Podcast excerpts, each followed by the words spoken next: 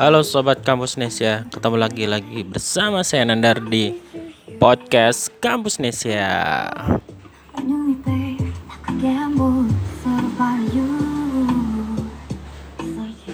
Kali ini kita ditemani Mbak Yuari dengan lagunya This Game original soundtrack The Interest in the Interest of Love. Ini baru aja tamat di GTBC ya kalau nggak salah ya. Drama yang sangat menguras energi. Kita udah pernah bahas di episode podcast sebelumnya tentang rekomendasi dan recap drama sepanjang tahun 2022 sampai Januari 2023 tapi kali ini kita nggak akan bahas itu. Tapi saya mau bahas tentang sebuah tema yang menarik. Semoga aja ada manfaatnya juga. Jadi beberapa waktu yang lalu uh, uh, viral di Twitter tentang sebuah chat yang dipublish di uh, akun Manifest ya, base suatu kampus. Kalau apa ya panitia dan volunteer sebuah festival itu harus nombok karena acaranya uh, rugi gitu. Dan kabarnya panitia dan volunteer itu harus urunan kalau nggak salah ya 750 dan ketua pelaksananya itu uh, eh, 15 juta. Dan katanya berapa puluh juta gitu ininya. Apa namanya? Uh, kekurangan dananya gitu banyak sih uh, teori atau pendapat netizen yang bertebaran. Salah satunya itu disebabkan oleh apa ya uh, gagalnya mendapatkan sponsor untuk memenuhi kebutuhan acaranya. Kemudian juga pemilihan guest yang mungkin uh, terlalu mahal dengan kemampuan financial pan uh, penyelenggara event dan lain sebagainya. Tapi yang bikin rame itu salah satunya adalah uh,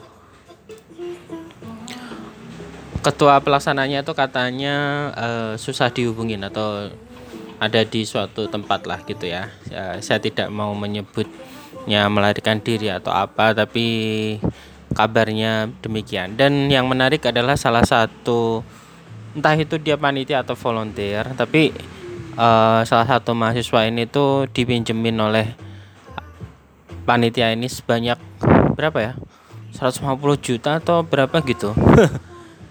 Itu ada di sebuah blog yang juga uh, diposting oleh netizen gitu. Uh, ini menarik karena ini sering terjadi gitu. Uh, mahasiswa ngadain acara kemudian targetnya itu nggak tercapai untuk pembiayaannya. Entah itu dari kampus dari uh, dana usaha atau danusan atau dari sponsor sehingga akhirnya uh, acaranya tidak berjalan sesuai dengan rencana dan panitia secara sa, panitia dan volunteernya itu harus uh, nombokin ya dan tidak memandang ini acara gede atau kecil hal seperti ini sering terjadi. Bahkan saya ketika dulu jadi panitia juga sering kayak gitu. Padahal acaranya juga nggak gede-gede amat dan kebutuhan dananya itu nggak nyampe ratusan juta ya. Mungkin hanya beberapa juta saja gitu. Kurang dari 10 juta. Tapi karena memang uh, sumber pendanaannya itu nggak sesuai target jadi ya panitia ini harus harus nombok gitu. Dan menurut saya ini um, hal buruk yang harusnya itu nggak perlu terjadi gitu. Karena pada, pada prinsipnya begini teman-teman ya uh, yang harus dipahami adalah uh, kita datang ke kampus itu tujuan utamanya untuk belajar gitu ya kuliah gitu. Dan uh, apa pun itu kegiatan di luar kuliah itu ya harusnya tidak tidak mengganggu tugas utama kita gitu. Bahwa ikut organisasi itu bagus tentu saja ya. Karena uh, seperti teori yang sering selalu disampaikan oleh kakak kakak tingkat kalian bahwa banyak hal soft skill yang tidak diajarkan di bangku kuliah itu bisa didapat di dengan ikut organisasi. Termasuk juga volunteer gitu ya. Kalau organisasi itu biasanya paling enggak harus ikut selama satu kepengurusan paling enggak itu satu tahun gitu. Tapi kalau volunteer kan dia ya insidental aja sesuai dengan acaranya. Nah sekali lagi bahwa harus diingat tujuan teman-teman ke kampus itu adalah untuk uh, belajar untuk kuliah. Jadi targetnya ya harus nilainya paling enggak IPK-nya IP-nya bagus kemudian nilai akademisnya bagus dan nanti lulus ya paling enggak tepat waktu atau lebih dikit. Tapi intinya eh, hal-hal e, yang sifatnya di luar kewajiban itu seperti organisasi ikut volunteer dan segala macam jangan sampai mengganggu tugas utama. Itu dulu yang harus dicamkan gitu ya. Nah yang sering terjadi adalah termasuk yang juga pernah saya alami kadang kalau udah kenal dengan kegiatan seperti itu jadinya terlalu asik. Hingga kadang uh, tugas utamanya yaitu kuliah dan akademis itu jadi nomor dua. Yang yang lebih diutamakan adalah organisasi dan kegiatan lainnya gitu. Satu mungkin karena idealisme kedua mungkin terlalu apa ya terlalu asik juga gitu. Dan akhirnya eh, satu sama lain ini saling mengganggu tidak bisa berjalan berbarengan gitu. Itu yang pertama yang perlu dicamkan. Yang kedua adalah eh, teman-teman di kampus itu kan ya biasanya organisasi itu basisnya kan keilmuan. Ya maksud saya itu ya ini apa backgroundnya itu adalah uh, teman-teman sebagai mahasiswa dan akademis gitu. Nah ini nanti ada hubungannya dengan beberapa tren di antaranya itu adalah kampus atau organisasi yang saling berlomba untuk membuat festival musik. Nah, teman-teman silakan perhatikan ya. Jadi uh, sebelum dan pasca pandemi ini kan kelihatan banget. Jadi bahkan nggak hanya antar kampus tapi antar fakultas dan jurusan di dalam kampus pun tuh juga begitu ya saling berlomba-lomba membuat festival festival musik atau konser musik gitu. Uh, ya kalau di runut mungkin ya. Ini ada juga hubungannya dengan uh, tren pensi uh, ketika SMA kalau kalau dulu tuh seingat saya ya, uh, saya masuk kuliah tuh tahun 2007 sampai mungkin tiga uh, tahun atau empat tahun tuh baru mulai ada tren bikin konser atau festival musik di kampus gitu. Ketika saya masuk awalnya jarang banget lah gitu. Ya paling kegiatan-kegiatan ya berbasis akademis seperti seminar, workshop, kemudian uh, apa stadium general dan lain-lain yang yang intinya berbasis dengan uh, dengan uh, apa namanya keilmuan gitu. Kalaupun ada tuh mungkin basar, basar. Jadi nggak nggak nggak kemudian uh, saling berlomba bikin festival musik. Dan waktu itu memang generasi setelah saya itu itu tadi dari SMA-nya itu memang udah udah mulai tren tuh saling berlomba antar sekolahan terutama di ibu kota itu bikin pensi dan pensinya itu kalau kalau zaman saya dulu mungkin pensi itu ya paling uh, menampilkan band atau seni internal sekolah paling banter itu ngundang band antar sekolah gitu ya tapi pensi di tahun 2008an mungkin ya mungkin 2007 ke atas lah di SMA itu band-band besar gitu. Salah satunya dulu yang besar lewat pensi yang jadi langganan itu adalah Endang Sukamti dari uh, Yogyakarta itu ya. Itu disebut band band band apa namanya?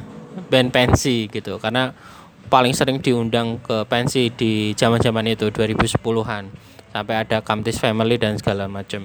Dan setelah mereka lulus, anak-anak SMA yang suka uh, saling berlomba bikin pensi ini tentunya akan mewarnai di kampus-kampus dan ya menurut saya kalau ya ini analisis sok tahu saya ya kalau mungkin salah bisa dikoreksi tapi budaya kemunculan konser dan festival musik di kampus itu ada hubungannya dengan uh, budaya dan saling berlombanya pensi ketika di SMA. Ketika mereka lulus, mereka masuk kuliah, mereka pengen bikin itu gitu. Ya itu tadi yang jadi ya sebenarnya nggak ada masalah ya. Yang jadi masalah tuh ketika uh, bikin acara, kemudian pendanaannya nggak achieve dan panitia serta volunteernya itu harus nombokin gitu ya. Sebenarnya nggak nggak cuman nggak cuman festival atau konser musik, semua program kerja uh, harusnya nggak nggak terjadi seperti itu. Kalau yang kecil mungkin bisa tercover pendanaan dari kampus ya, tapi kalau yang gede mungkin memang butuh butuh dari luar. Nah tadi menarik uh, tadi tadi siang saya nonton salah satu video dari Bang Panji Pragiwaksono uh, bercerita tentang uh, Comika perusahaan beliau gitu yang sering menggelar acara-acara uh, stand up comedy special maupun tour gitu tour special dan uh, beliau menyebut bahwa umumnya IO atau penyelenggara acara itu uh, membebankan biaya operasional kemudian uh, termasuk bintang tamu dan pengisi acara intinya itu dari biaya sponsor. Kemudian uh, yang dianggap keuntungan itu adalah hasil penjualan tiket gitu. Nah, kadang kan kalau kayak seperti kasusnya yang kemarin itu di sebuah universitas di yang ramai di Twitter itu kalau nggak salah di Malang ya itu kan penjualan tiketnya itu nggak nggak sesuai target jadi akhirnya Eh, nggak nggak nggak bisa nggak hanya nggak nggak nggak hanya nggak bisa BEP tapi juga akhirnya uh, minus gitu.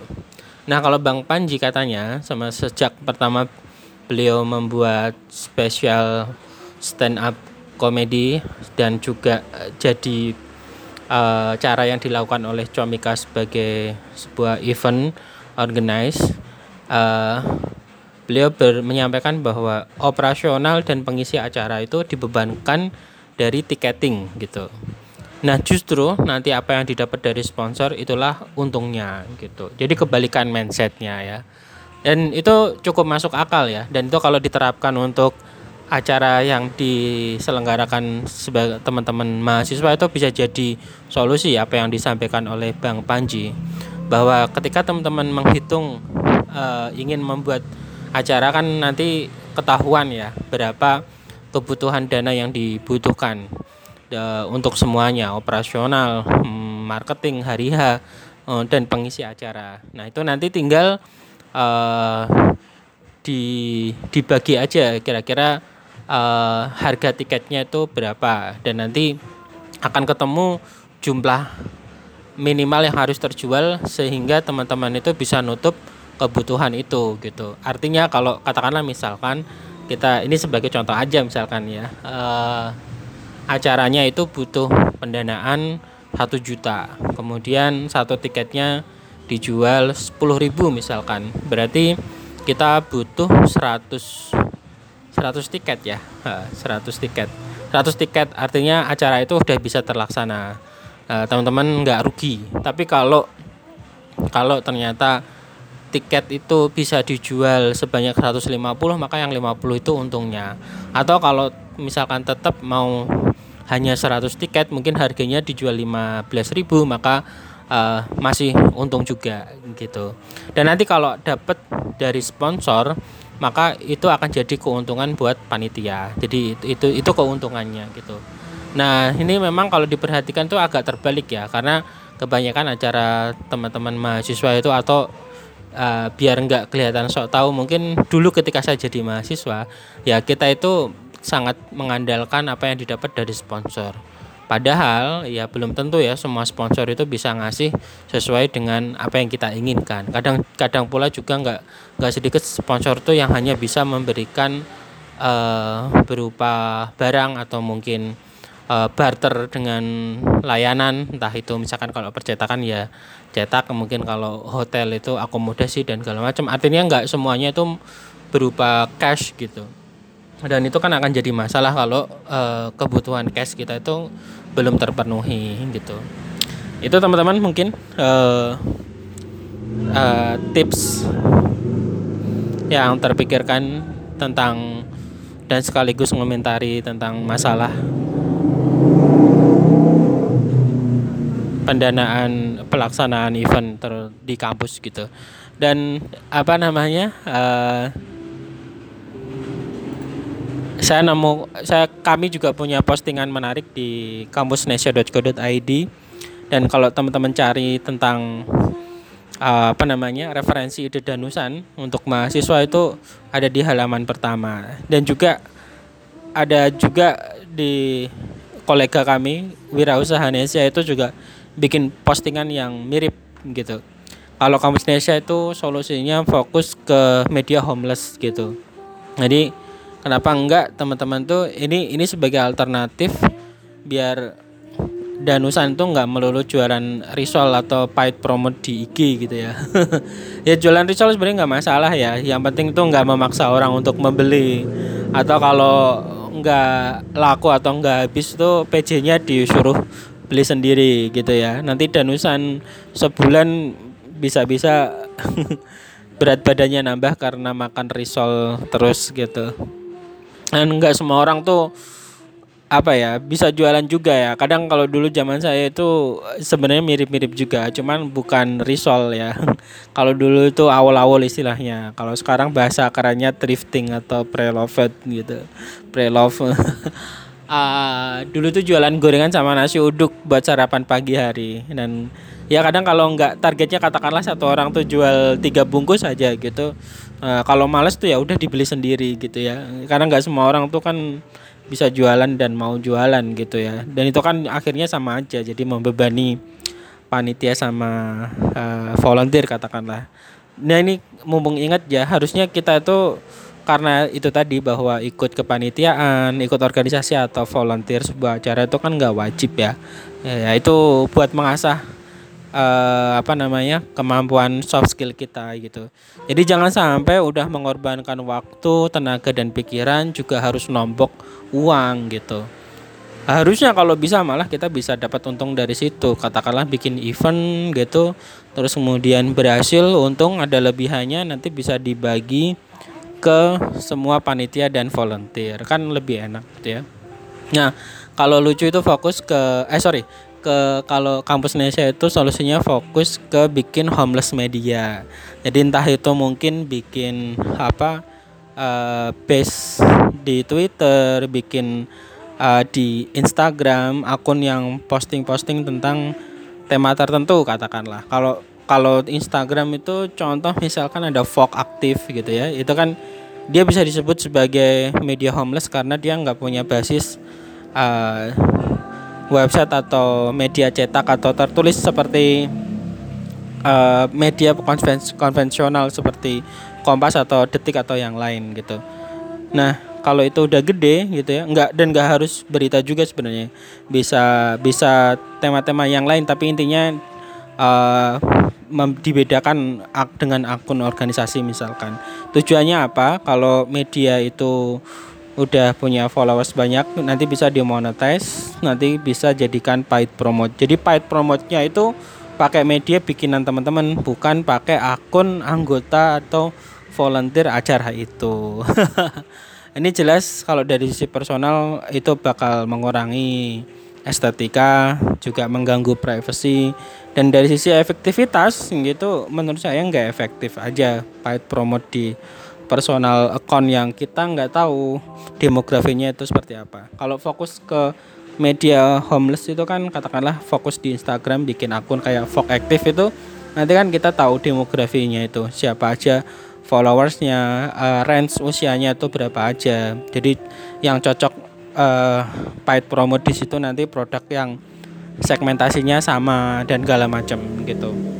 Nah, kalau di website wirausahanesia.com ini mereka punya empat alternatif yang bisa teman-teman coba selain jualan risol dan paid promote. Yang pertama adalah jualan merchandise gitu. Nah, kadang-kadang kan temen tuh udah bagus tuh bikin merchandise gitu.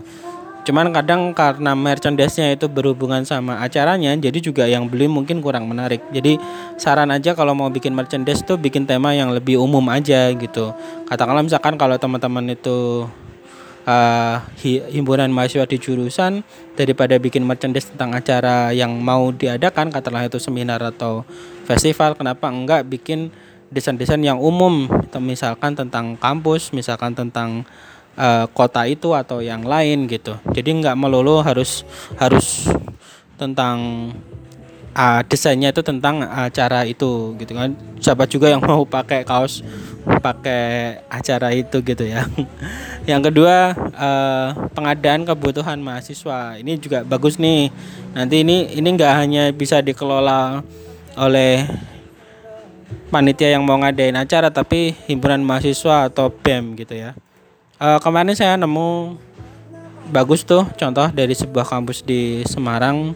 Jadi uh, departemen kewirausahaan di BEM-nya itu bikin jasa pembuatan merchandise gitu. Ya nanti kalau ada mahasiswa di jurusan itu yang butuh merchandise tertentu katakanlah plakat untuk PKL atau KKN nah mereka yang handle. Nanti mereka mengajukan kerjasama ke percetakan paling enggak untuk dapat potongan harga misalkan. Jadi nanti mereka dapat selisih harga atau mungkin bikin jaket angkatan atau yang lain gitu. Uh, yang ke oh yang ketiga ini sama yaitu bikin homeless media.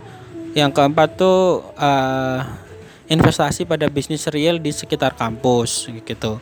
Nah ini mungkin untuk organisasi yang sifatnya jangka panjang, katakanlah misalkan himpunan mahasiswa atau uh, kelompok studi uh, atau atau apa namanya UKM gitu ya. Karena kan berbeda dengan BEM atau Senat yang tiap tahun itu berganti orang.